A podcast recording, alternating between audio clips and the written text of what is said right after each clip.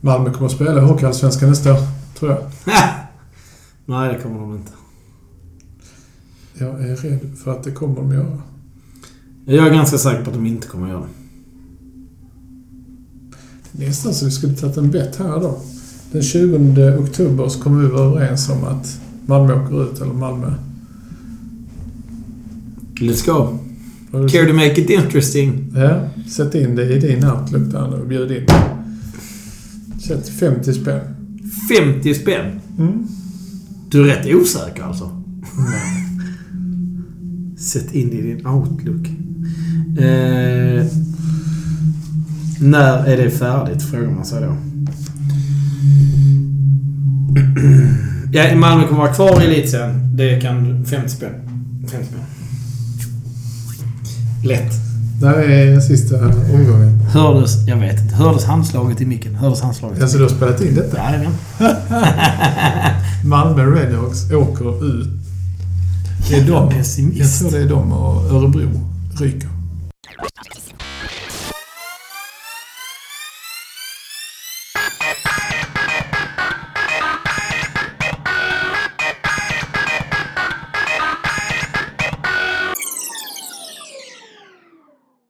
Och idag börjar vi eh, där vi var förra gången. Vi går tillbaka till Iron Kona. Och där hade du ju rätt. Jag måste säga att jag var imponerad. Eh, De, eh, de personerna vi hade, vad ska man säga, empatier för, framförallt Patrik, han bröt. Ja, alltså... Ska vi ta mitt bett först då? Jag bettade Jan Frodeno som vinnare, Patrik Lange som tvåa och Patrik Nilsson som trea. Och jag var rätt öppen med att Patrik Nilsson var ett önskebett. Och båda Patrik, de bröt. Tyvärr. Båda Patrik bröt. Patrik Lange bröt efter att ha haft feber dagen innan. Och vad jag har lyckats få ut av intervjuer med Patrik Nilsson så eh, bröt han för att eh, det är varmt och jobbigt i Kona och han, kroppen höll inte. Så det är lite så här också. Det är varmt och det är svårt och det gör att antingen så går det bra eller så bryter det. Ja, då behöver man ju inte alltid vinna på en otroligt bra tid. Det handlar ju bara om att ha tur. Där kom ju också, jag sa att det kommer inte bli något rekord. Och det fick jag ju också ordentligt på tafsen på för Jan Frodeno slog ju banrekordet. Gick med på 7.51. Så att, eh, mm. Men etta blev Jan Frodeno. Han hade jag som etta. Så att. Och på damsidan. Full på ett Anne Haug från Tyskland. Den hade jag inte med på listan ens. Tvåa herrar, Timo Donnel. Trea, Sebastian Kindle hade jag på att diskutera faktiskt och varnade för. Och du sågade mig och sa att han var eh, typ eh, rankad 50 eller något sånt. Mm, stämmer. Men Sebastian Kindle is a powerhouse. Ja, uppenbarligen så var han ju det. Han tog sig mål och det gjorde inte de andra förhandsfavoriterna. Nej, de andra vi pratade om lite så. Du nämnde Alistair Brownlee och jag pratade om att brittisk triathlon är lite så här håsad.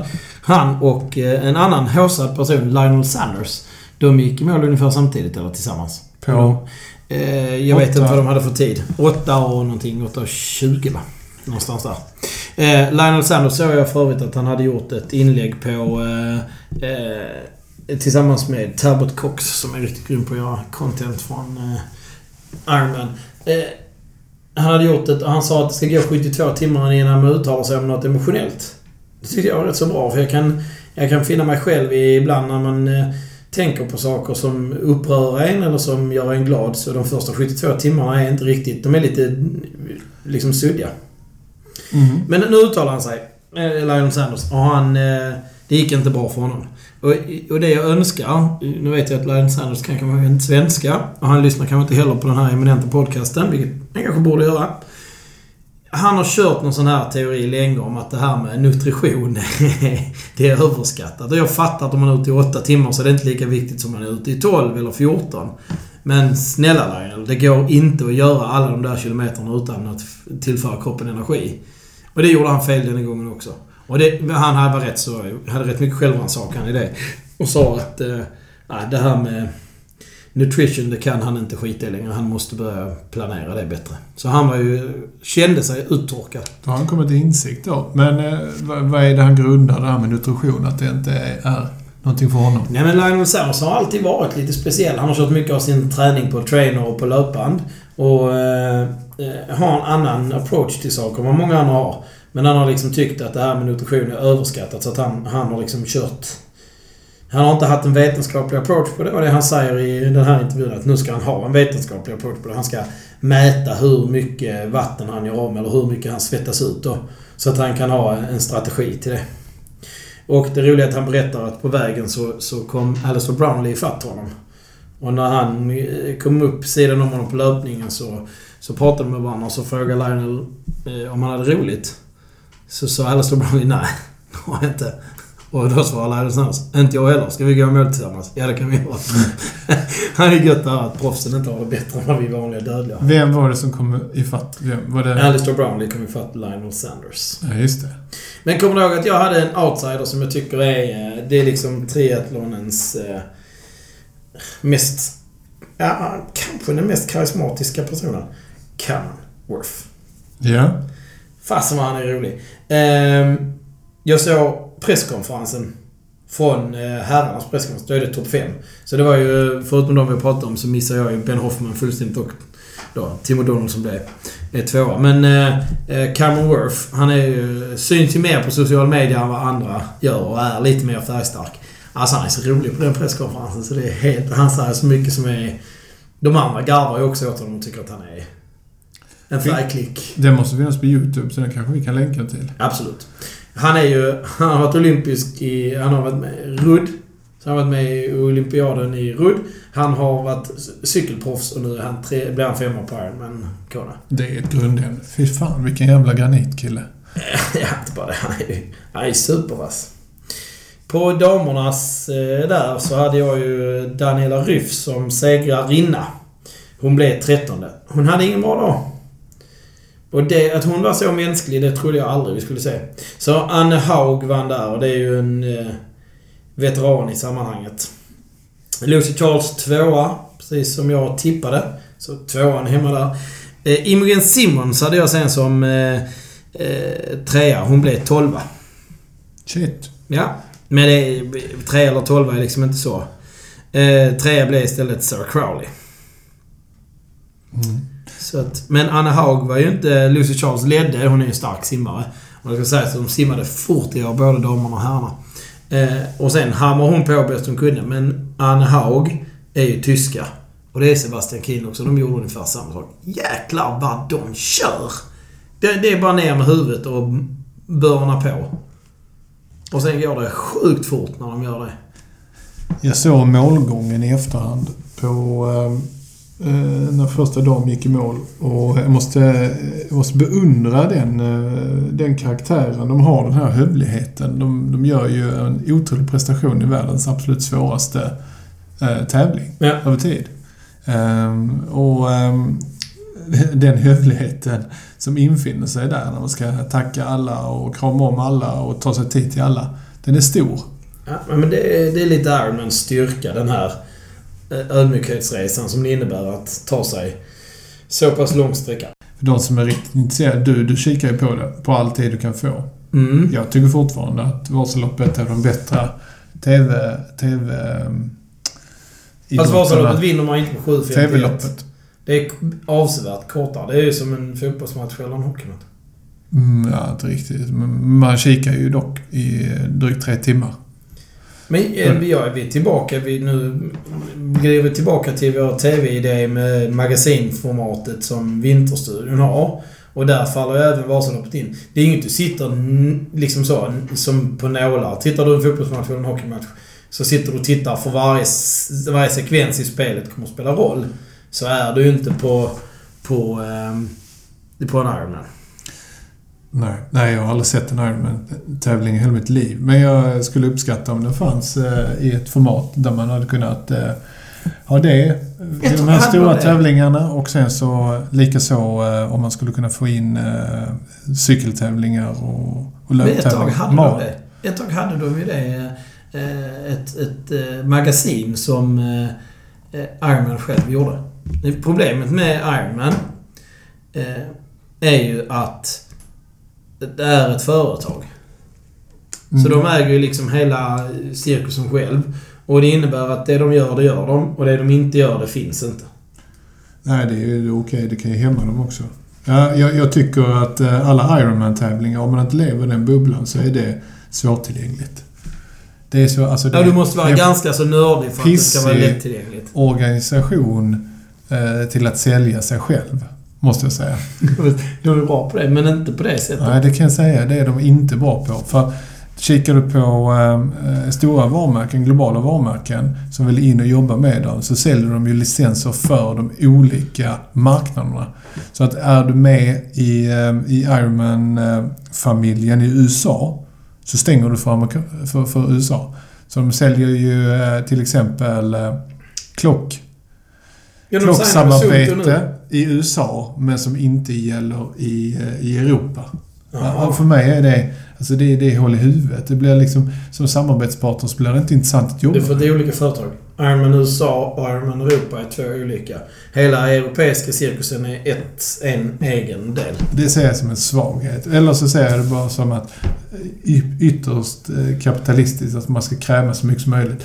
Men det finns inget varumärke idag på den nivån som, som Ironman är, som bara vill synas lokalt i Europa. Utan man vill ut lokalt. Ja, jag... Jag... Eh, eh, jag eh, hörde någonting om att det inte gick så bra för Ironman som... Ja men det tror fan det om det är en massa papphattar som säljer licenser för småmarknader. Det är amerikaner.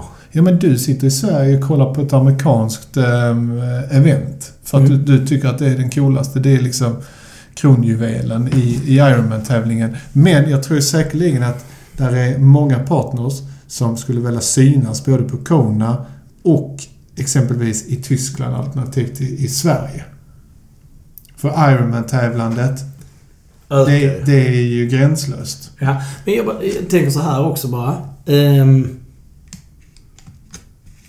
ja, jag vet inte. Men vad, om man tittar på fotboll och hockey som vi pratade om tidigare då. Där finns ingen... Alltså, Var där, kommer, du, stora, var kommer de stora pengarna ifrån? där, har, där, har du ju, eh, där har du ju ligor. Men detta här är ju en liga. Ironman är en liga som är... eh, Det är en liga. hela världen. Ja. Ja, för det heter Ironman. Ja, men det är ju en liga. Det är ett varumärke, men det är en liga kan vi säga. Det finns ju massor av Ironman-tävlingar. Vad är de stora inkomsterna för ett fotbollslag? TV. Och hur visas Ironman när det gäller TV? Vad är TV-avtalet för Ironman? Ingen aning. Nej, för de kör Ironman Now på Facebook. Ja. Där kör de livesändningen igenom för oss som bor... Sen finns det amerikanska TV-bolag som sänder. Men liksom, jag tror faktiskt inte att TV-pengarna är så bidragande som de borde vara. Det borde finnas en TV-peng att tjäna pengar på för Ironman. Det här, man skulle sitter, kunna vi, där binda... sitter vi och ger dem tips som om vi visste något. Man skulle kunna binda in det där i, eh, på pay-per-views. Det har ju UFC gjort till exempel. Och UFC, det finns ingen annan sport som har samma tillväxt som eh, kampsport i en ring. Och det kostar obeskrivligt mycket pengar att ta ner det pay-per-view. Ja. Nu är ju cyklisterna i och för sig ganska så snåla. så att man hade säkert hittat genvägar. Men... Eh, Jag man menar, kollar... boxningspubliken och kampsportspubliken är inte snål. Nej, jo, nej, jag vet inte. vem. Men det kostar hur mycket som helst att köra en sån pay-per-view-gala. Ja. Åtminstone så blir det väldigt eh, belönande för de som är med som stjärnor. För vill du följa det största cykeleventet i världen? Tour de France. Och det är inte inbundet på en eh, smal plattform som bara ses på Facebook. Nej, det är det inte. Men då kan du, i det här fallet i Sverige, så, nu tror jag det sänds av TV4-gruppen också. De har väl... Ja, Det är Eurosport som har det. till 12 Nej, TV4-gruppen har också det. Just det, så är det. Men alla vi som gillar cykel vill ju höra Roberto Vacchi. Så vi tittar på Eurosport. Och det kan du ha på Play och om du inte har det i ditt TV-utbud för... Ja, jag vet. 59 spänn i månaden. Och därav, som vi pratade om förra veckan, när eh, vi eh, var inne på det här med ersättning. Vi snackade om vad Linus Schurter eventuellt hade Just i bidrag kontra då vad eh, världens bästa cyklister som ingår, som ingår i ett landsvägsstall. Alltså då pratar vi om eh, fotbollslöner. Vi, vi pratar om feta löner för cyklister Ja, med ja, goda ja. förutsättningar. De bästa cyklisterna. De bästa cyklisterna. Jag tror liksom att... Eh, Cummings han har inte så mycket betalt. Han är sist i proffsklubben alltid. Ja, men så kan det ju vara. Men skitsamma. Han har fortfarande mycket mer betalt än vad Nino Schurter har. Punkt. Ja. Jag såg på tal om Schurter. Eh, så såg jag att Red Bull visar ett annat intressant event eh, nu här på vintern. De visar världscupen i cykelcross. Ah, Vilket jag tycker är coolt. Det är ju en växande grej. ja, det är det. Och då är vi tillbaka igen. Hur konsumerar man det? Jo, Red Bull TV och gratis. Ja. Via en Apple TV då. Ja, eller via webbläsare. Ja, såklart. Ja. Det går också bra. Nej, jag tycker Iron Man, fan de skulle kunna göra sin hemläxa där. Ja, de har säkert så otroligt mycket prestige i vad de håller på med. Så att de har satt sina regler och så, så är det inget eh, tv-bolag som har hoppat på det där. Så därför så börjar de eh, att sända detta på Facebook. Plus att det är ett format som är ganska svårt, men... Nej, jag vet fan. Det borde finnas möjlighet att kunna göra det lite coolare och lite bättre för eh, tv-tittaren. Men jag tror att Iron Man, det är varumärket, styrkan är, är för dem redan eh, Du, Iron Man, perverterade. om det hade döpts om till någonting helt, något, något helt annat. Vi säger att de- skulle döp, döpa om det till... Eh, ehm, Mycket Frölich triathlon. Ex, eh, exempelvis så är värdet i karaktärerna som ställer upp. Tänk att kunna bygga Patrik Nilsson till exempel som en nordisk eh, titan eller, eller om man tar eh, ja, men Jan Fondén till exempel. Alltså det, det är där värdet är. Det är ju karaktärerna. Mm. Det finns ju ingen i hela världen som kan göra deras prestation så kort, på, på kort sikt som de kan göra. Eh, De är ju några übermänniskor. Fan, bygg... eh, Ja, jag är tillgänglig för alla konsultativa frågor. Blocket, Iron Man. Din konsultlista börjar bli lite imponerande mycket. Ja, ja. Ja. ja, men jag har också ett par tips till Iron Man. Men i vad jag tror är att jag tror att ändå varumärket är värt mycket. För om du ser eh, i Kalmar så fanns det Järnmannen innan de gick med. Och det var samma distans, samma lopp. Eh, också välordnat enligt de som har varit med tidigare år. Och sen för några år sedan, vad kan det ha varit, 2011, 2012 någonstans där. Jag kan inte riktigt, jag kan ha fel där. Men då gick man in och blev Ironman-tävling, officiell Ironman-tävling. Och det innebär att Ironman tar över eventet. Förmodligen en stor del av vinsten om det nu är någon sån. Men det var populärt redan innan, men nu, det är ju slutsålt direkt. Så jag tror att det borgar för en viss sak. Jag personligen, om jag ska tävla i en, en Ironman-distans Challenge är också bra. Ett av världens största triathlonlopp i Challenge, Challenge Roth i, i Tyskland. Men jag tror inte de har svårt att sälja sina startplatser. ja. Nej, och Ironman, de vet att de säljer sina startplatser, sina startplatser även i, eh, i halva distanser. Men det skulle varit... Det skulle varit... Det skulle varit gynnsamt om man kunde följa det på ett bättre sätt. Det håller med om. Det är svårtillgängligt. Mm. Så. Vi stänger den, eh, den pärmen med plastfickor. Den kommer alltid upp igen någonstans. Men eh, vi går vidare i alla fall. Och om jag förstår det rätt Micke, så tänker du eh, utföra någon form av hyllning? Mm, det ska jag göra. Ehm, och vi ska hylla och gratulera, tänker jag mig då. Ehm, om jag ställer frågan så här. Och nu är det här svaret. Nu är det helt plötsligt ett krav på att jag ska ha någon form av kompetens i frågan. Ja, och nu ska du göra en sak som jag vet är väldigt svår, men du ska svara ja eller nej. Ja, ja det är svårt. Blixtlåset, pacemakern och primusköket har alla en gemensam nämnare. Vet du vilken? Sven, ja, du menar att jag ska svara ja eller nej? Ja. Ja, det, ja jag kan tänka mig gemensam nämnare. ja. Och då kommer eh, min fö- följdfråga.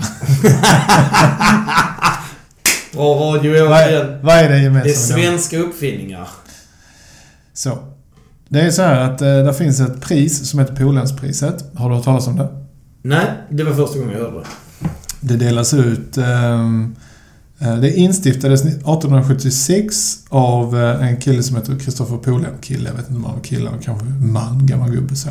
Gubbe. I alla fall, priset det delas ut för teknisk innovation på hög nivå eller genialisk lösning av ett tekniskt problem. Vet du var jag är på väg någonstans? Pristagaren får 250 000 kronor. Eh, och eh, den här Polhemsceremonin då, den sker den 6 november. Så vi är bara två veckor bort. Ganska Lite drygt. snart. Ganska Ja, i alla fall. År 2019 så eh, delades, eller kommer denna delas ut eh, av eh, avdelningen för neuronik vid KTH uppe i Stockholm. Neuronik. Ja, eller neuronik. Är det, Ja. förlåt. Ja. Och det kommer gå till Mips. Som är hjälmlösningen för eh, att imitera hjärnans eget skyddssystem och reducera risken för hjärnskador. Det Till tycker jag. rotationsvåld. Vi har pratat om, om Mips tidigare. Mm, mm. Eh, så att det är jäkligt coolt faktiskt att eh, den här forskartrion bakom Mips kommer få ta del av en kvarts miljon kronor. Och det kan jag tycka att det är värt mycket, mycket mer än så. Mips har blivit en standard idag och det är en standard inom cykling, inom klättring, inom alpinskidåkning, inom motorsport. Inom, eh, så är också, med tanke på var jag jobbar någonstans, numera även lanserat på Skyddssidan, hantverkarhjälmar. det är också bra. Även om, är det någon form av rörelse där som är i Ja, men kraftigt fall behov från av hög höjd. Ja, såklart ja.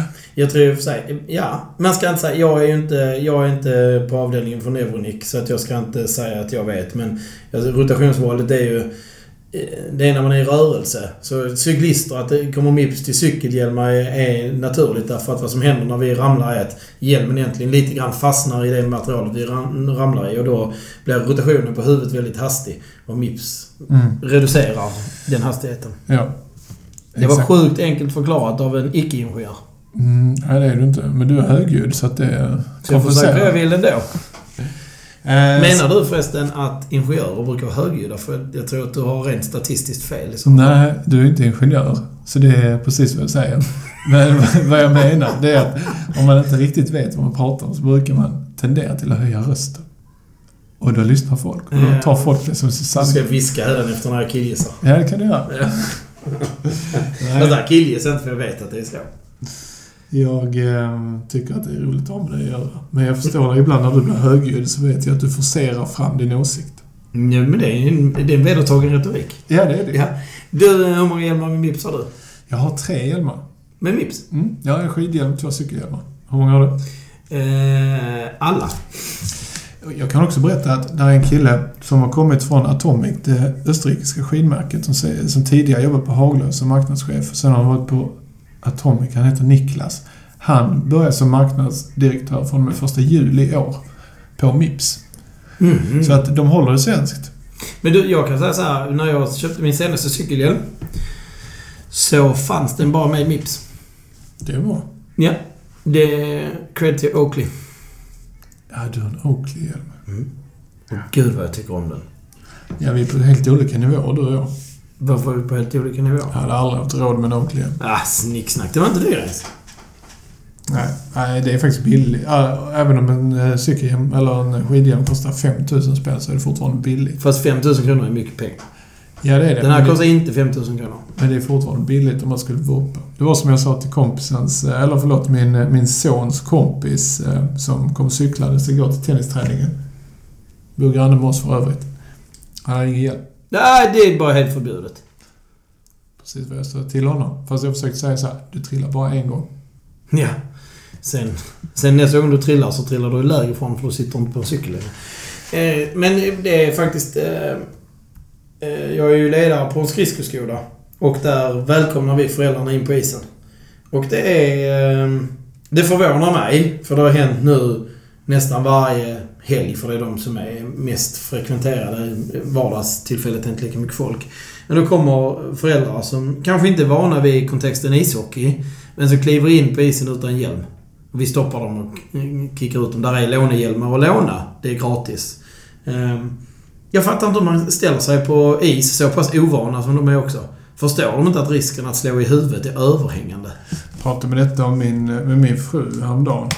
Där hon eh, faktiskt sa att hjälmen kom in i skidåkning. Vi jobbar ju båda två i sportbutik. När Ja. allting eh, slog igen på riktigt. Att hjälmen kom in i skidåkningen på grund av att det blev modegrad. Ja. Man såg extremt mycket de här eh, Ski Radicals-filmerna kom ut Ja. och det blev Free radicals. Free Det Radicals. är fasen vilka det bra filmer det var. i... eh, Ja, det kom ut i rätt era där skidorna började gå snabbare och snabbare. Och att det blev coolt med hjälm. För kikar du idag i backarna runt Sälen, Åre eller ner mot eh, Ja, Alperna. det är 90% har hjälm. Det är ju det är bara gamla gråa gubbar som inte har hjälm.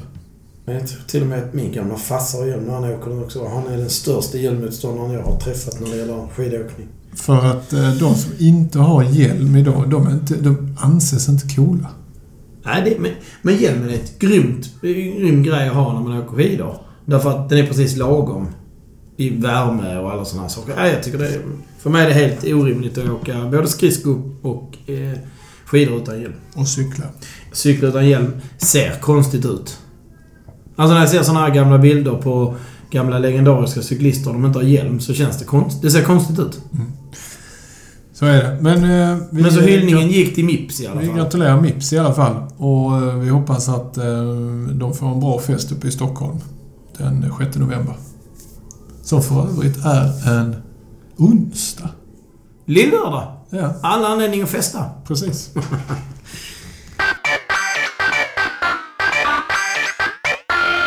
Vi går över till ett eh, nytt segment som vi egentligen hade tänkt oss till förra avsnittet. Ja. Men grejen är att som vanligt så var vi så jävla pladdriga att vi, eh, vi tappade det.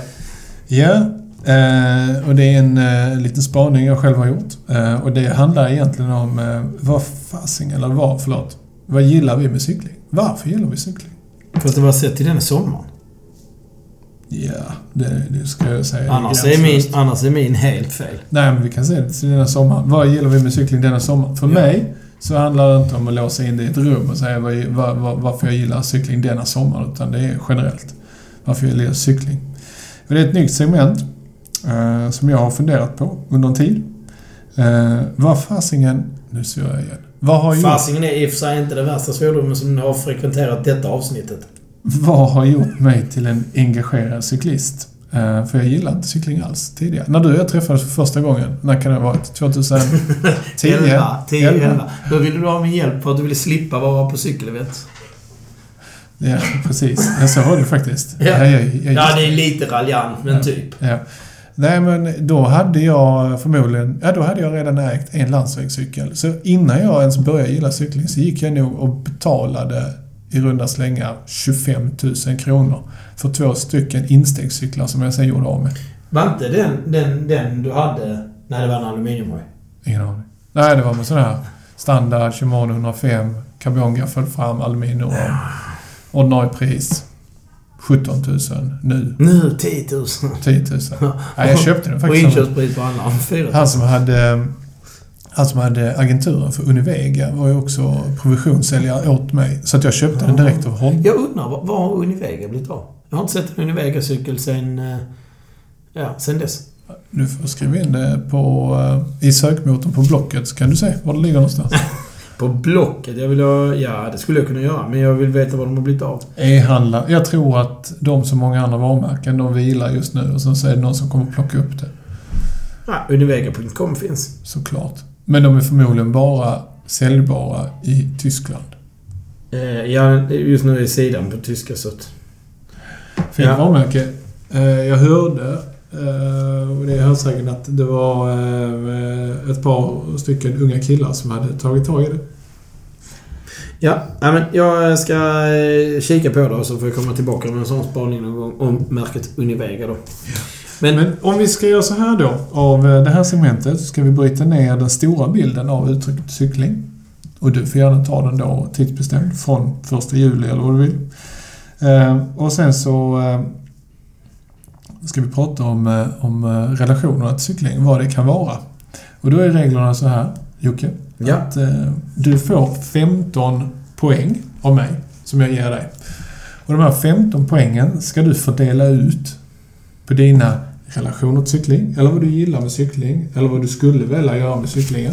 Eh, och eh, sen så, eh, det högsta talet. Det blir tråkigt om du sätter en poäng per sak du gillar och att du gillar 15 saker lika mycket Men där måste, där måste finnas någonting som gör att du tycker att mm, det, här är, det här är roligt.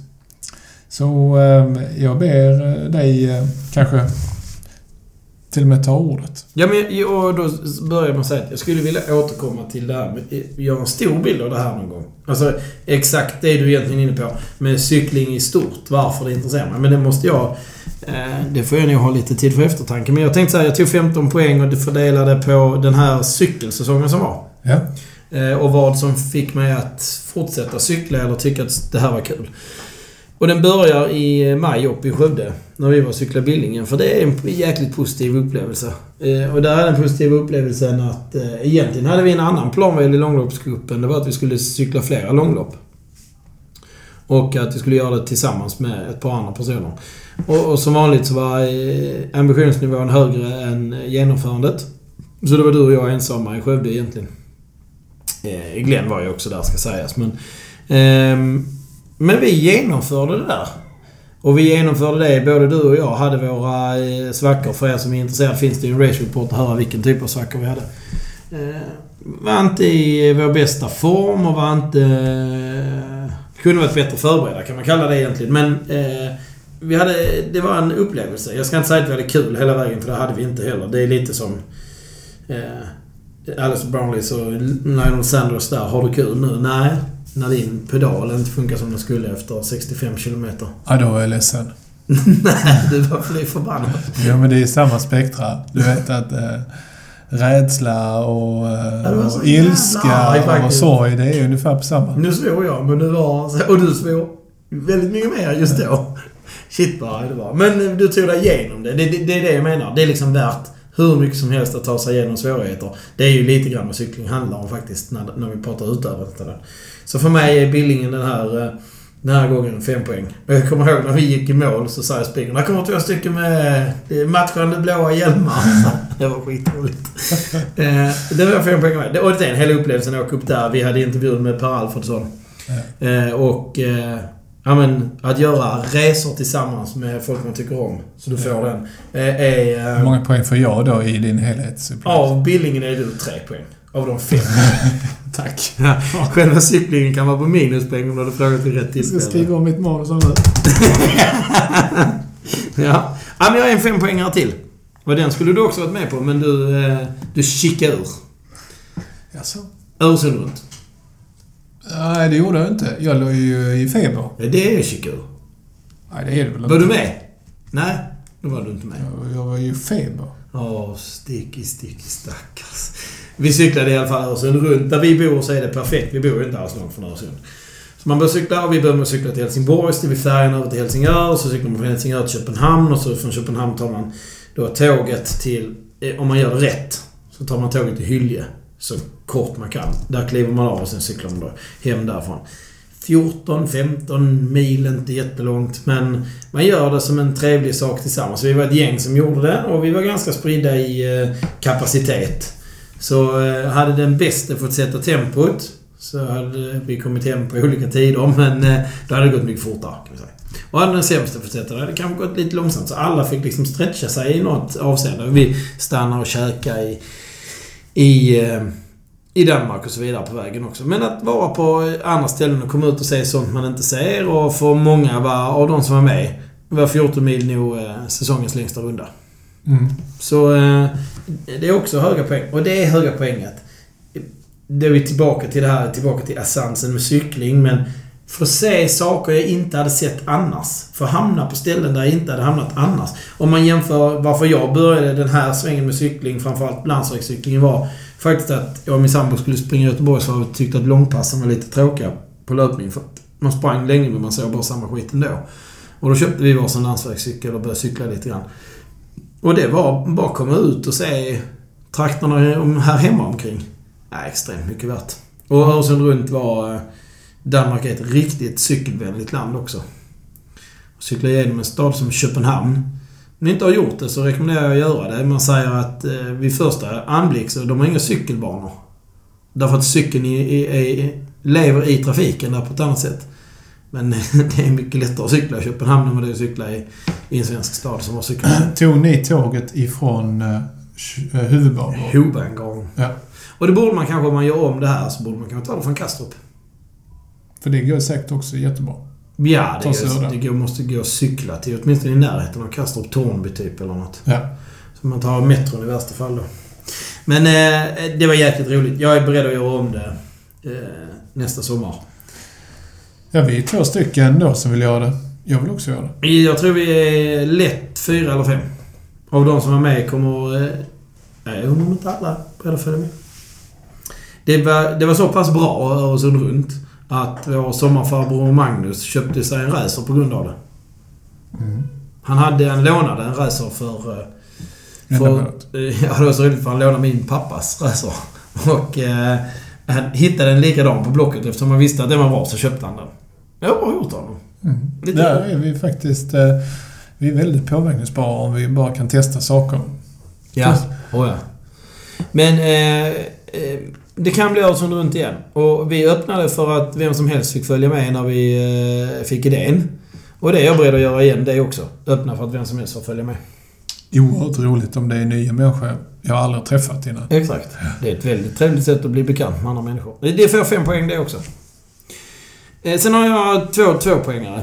Men hur många poäng är du uppe i nu då? Tio har jag gett bort. Det har du inte. Fem och fem. Det blir tio.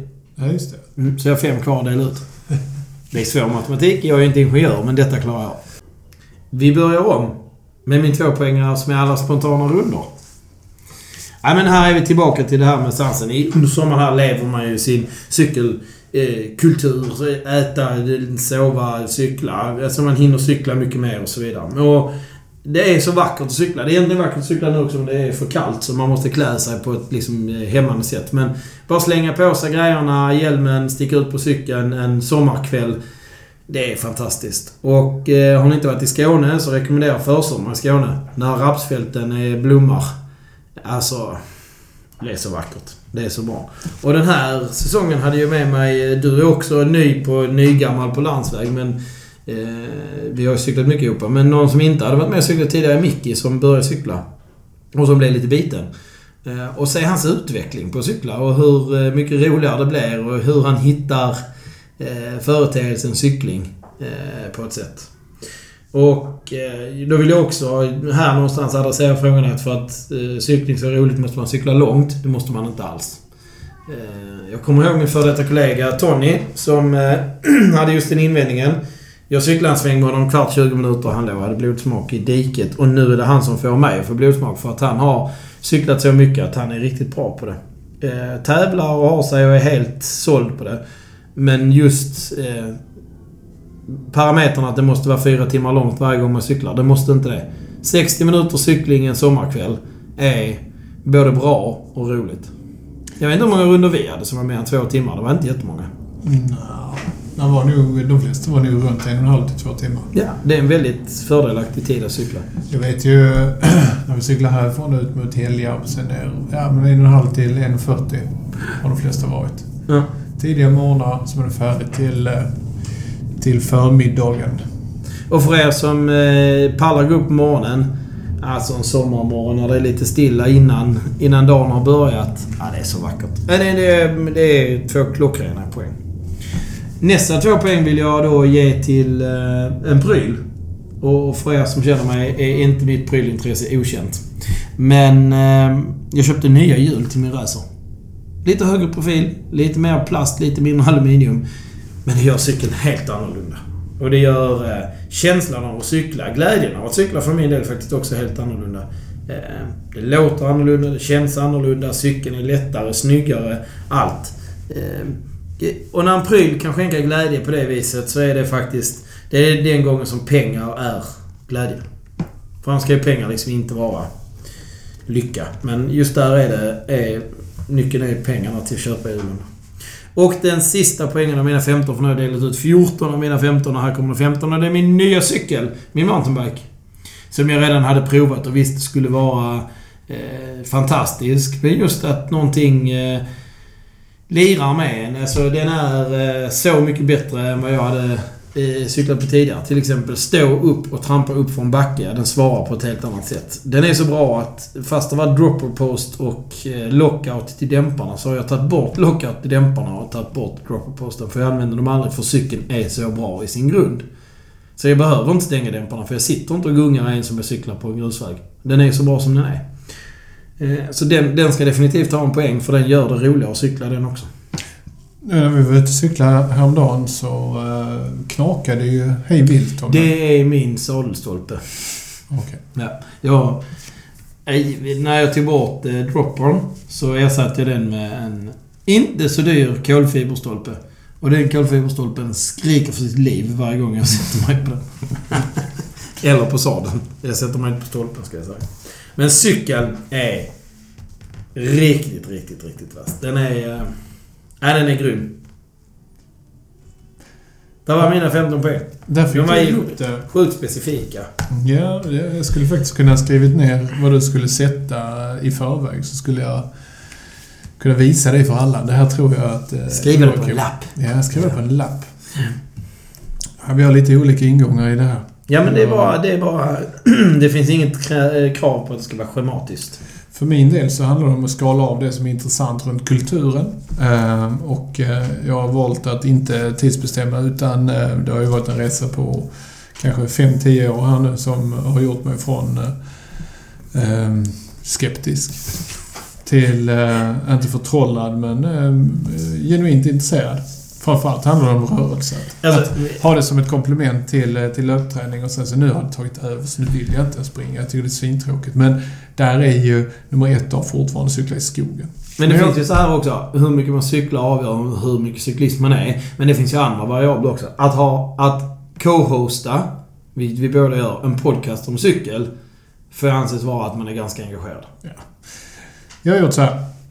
Eh, Jag har eh, fått ihop 12, fe- 15 poäng ge- genom att sätta... Annars hade du misslyckats. Det är ju mitt segment ju. Men eh, jag skulle vilja säga så här att jag delar ut tre poäng. Eh, Och det gör jag på, eh, till eh, sättet cyklister pratar på. Eh, För cyklingen generellt sett engagerar ganska mycket. Och det är någonting som jag verkligen har, eh, vad ska man säga, sett och hört nu. Att när man är i ett sammanhang, på ett bröllop eller på en fest eller på ehm, ett kundmöte där man kallpratar i tio minuter innan man börjar snacka om syfte, så eh, märker man snabbt om det är en cyklist man sitter bredvid. Eh, för att eh, Det är, alla är sina egna presidenter. Ehm, alla vet alltid bäst nästan. Och Eh, den här icke-ödmjukan, den, den, går, den skiner igenom många gånger. Även hos väldigt blygsamma människor. Eh, Mixen av samtalen, det är högt och lågt. Men alltid liksom är det en karaktärsbyggande art av samtalen. Så man märker liksom att är kvinnan eller mannen framför mig eh, genuint intresserad så byggs karaktären där för att eh, alla vill eh, utveckla sig hela tiden. Det är väldigt få som är eh, förvaltande i sin cykling. Eller man vill, man vill liksom eh, hela tiden eh, bygga karaktärer, utveckla sig och... ehm, Snabbare, Det- bättre, starkare. men det finns alltid ett visst mått av dömande faktor- fa- faktorer inom cyklingen. Du är ju eh, expert på det där. Uh, Jocke, du... eh, Jag dömer väl aldrig någon? Nej, men du, du dömer människor efter vad det är för komponenter de kan ha på sina cykl- cy- cyklar. Det skulle eller så. jag aldrig göra. Ehm, och, eh, men, men de faktorerna, de lever alltid in i samtal. Liksom. Så, aha, du kör eh, XT. Ja, Mm. okej, då Shimano. Mm, precis. Du vet vad jag menar. Mm, ja, jag vet. Men jag måste säga att på den frågan, nu när du tar upp Shimano XT.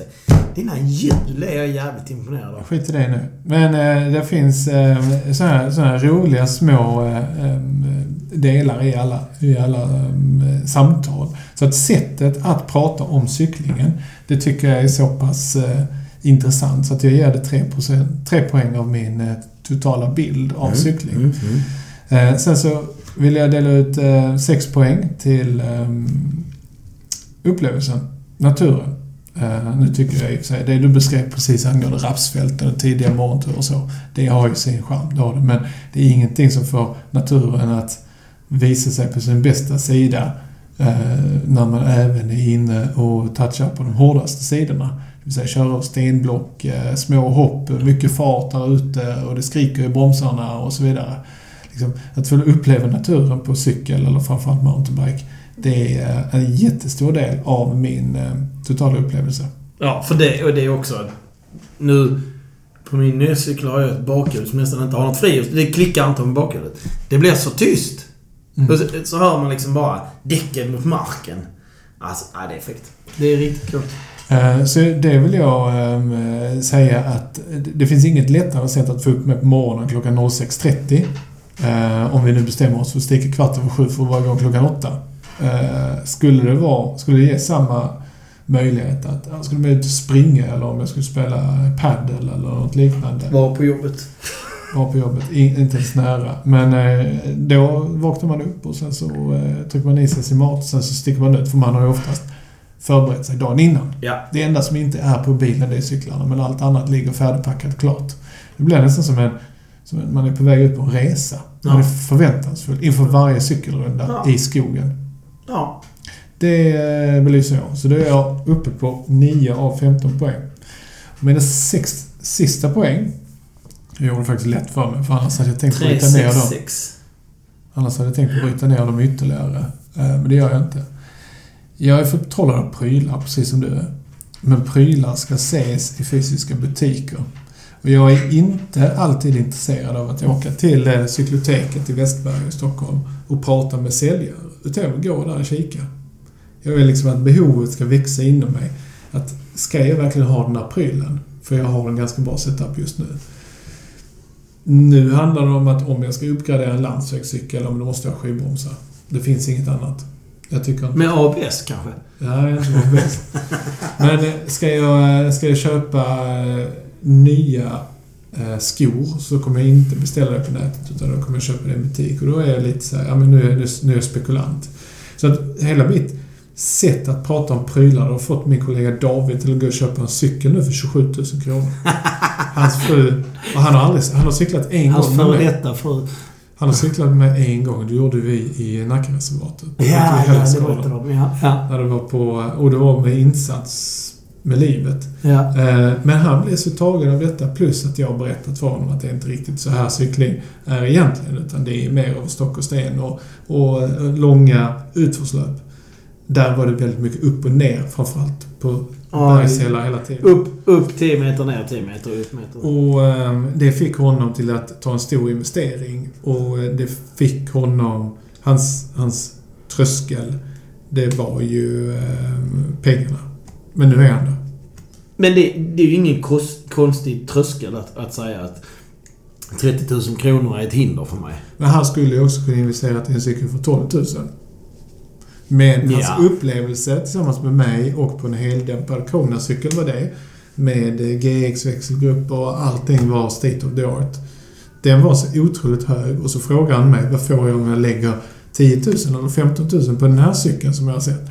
Så du får en förbannat bra produkt. Men där är fortfarande två steg upp på den där. Så nu köpte han en Trek på rekommendation för att jag gillar Trek och jag har cyklat på Trek. Eh, Jag gillar inte deras garantier eller karbonrammar, men det är en annan sak. Eh, Nu har kört en kniv i sidan på dig han det. köpte en Top Fuel och han köpte Jag köpte toppfuel. mellansteget så att ordinarie var 35 000. Han fick ge 27 000. Men då fick han ändå kolfiberram med Ja. en bakram i i aluminium. Typ den jag hade. Exakt. Köpte han en ny för 27? Ja, en 2020. Helsvart. Oj, men varför komponenter? Eh, SRAM. NX måste det vara. Nej, GX. Men den kostar 50 mycket. Eh, jag kan... Nej, vi ska kolla. skit. Skitsamma. Det, så att eh, prylar är mina 6 poäng och eh, då får jag upp 15. Summerar dem i att sättet vi pratar med varandra och hur du bjuder in till samtal. Eh, nästan eh, lite åt det politiska hållet fast med roligare eh, slutdestinationer. Fast jag håller, med, jag håller med om en sak också när man säger liknelsen med politik där. Och du var inne på den. Du sa så här att ödmjukheten försvinner för alla är sin egen president. Men alltså i samtalet om cykel, i, i det ryms både plus och minus. Eh, plus i form av eh, igenkänning och eh, gemensamt delat intresse. Men minus också, vilket blir tydligt tycker jag i Facebookgrupper till exempel, där det blir lite... Det blir inte bra och det blir eh, lite trolligt. Eh, och där har vi alla ett ansvar att ta att kanske eh, ha diskussionen om cykel på ett bättre sätt än vad den ibland blir. Så är det. Så att eh, jag stänger det och eh, ja. Ja, jo, för all del. Återkoppla gärna till oss vad, vad som är era 15 poäng. Vi kommer eh, eh, kanske återkomma i frågan i vilket fall som helst. Men om det är någon som skriver till oss och berättar om varför de har valt att cykla så, så är det definitivt något som kommer leda till att vi tar upp det. Och vi har gladeligen publikt också. Ja, ja. Absolut. Självklart. Det var, eh, det var dagens ämne för eh, avklarade, Mm. kan man säga. Så att det här avsnittet blir ännu mycket längre. Nej, jag tycker det blir good enough. Ja, jag ska eh, fylla på det avsnittet med att sticka ut och springa. Nej, Mycket paradoxalt nog. Jag ska ladda inför Hammarby MFF. Nu är tillbaka på fotbollen. Vi stänger alltså där vi började.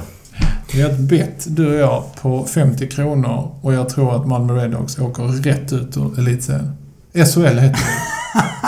Ja, ja. Och jag tror att Gunnar Nordahl är med i Allsvenskan, för det var ungefär lika rätt.